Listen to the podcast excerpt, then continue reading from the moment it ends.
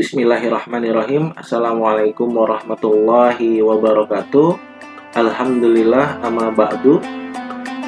Oke, kembali lagi bersama saya Muhammad Hafid Sabila. Pada podcast kali ini kita akan membahas tentang SBSN atau Surat Berharga Syariah Nasional. SBSN sendiri merupakan sebuah surat berharga syariah tentunya yang dikeluarkan oleh negara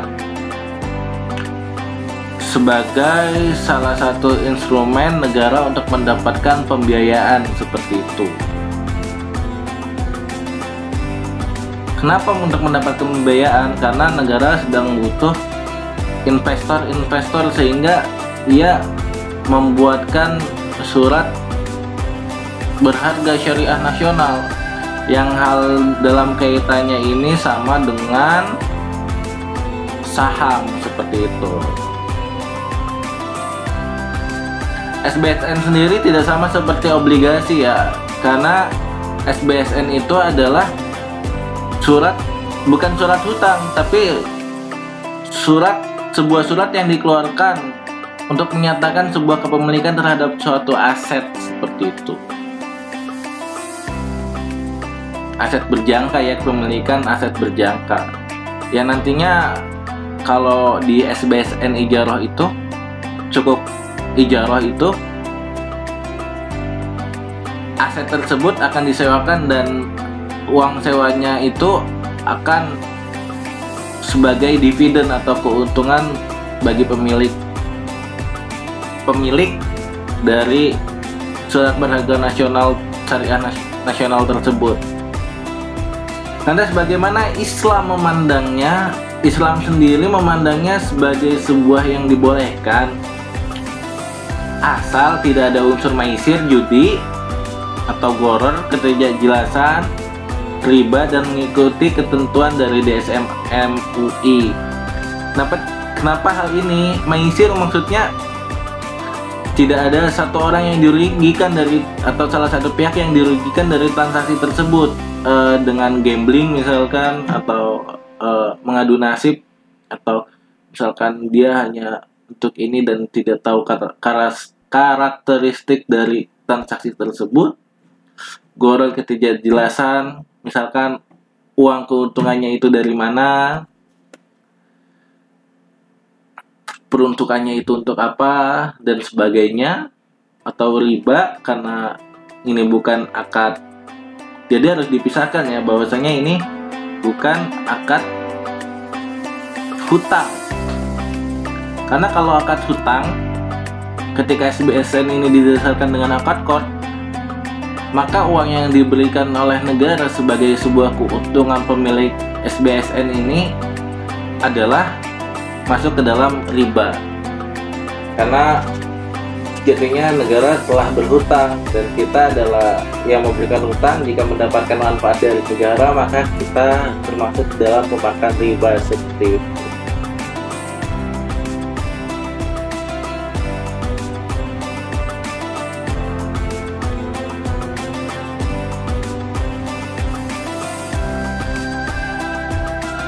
Lanjut. Di sini uh, apa yang mendasarkan boleh terhadap suku negara ini itu ada di surat Al-Maidah ayat 1 maka penuhilah kata-katamu. Dan juga pada surat An-Nisa ayat 29 yang artinya hai orang-orang beriman janganlah kalian saling memakan mengambil harta sesamamu dengan jalan yang batil kecuali dengan jalan perniagaan yang berlaku dengan sukarela di antaramu. Jadi pernik uh, suku atau SBSN ini adalah sebuah jalan perniagaan terhadap suatu aset ya. Jadi keuntungan tidak didapatkan dengan uh, menjual hutang seperti itu.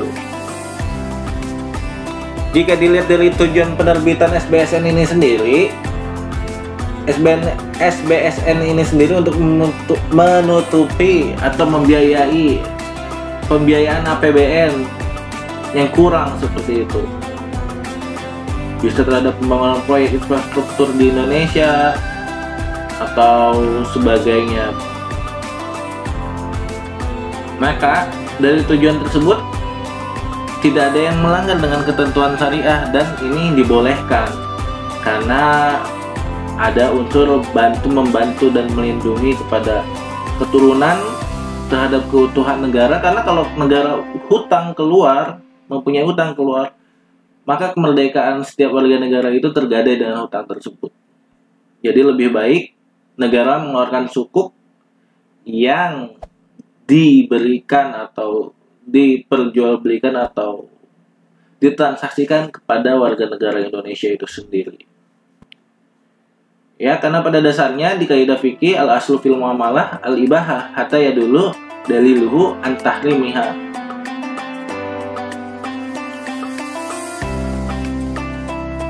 Seperti itu.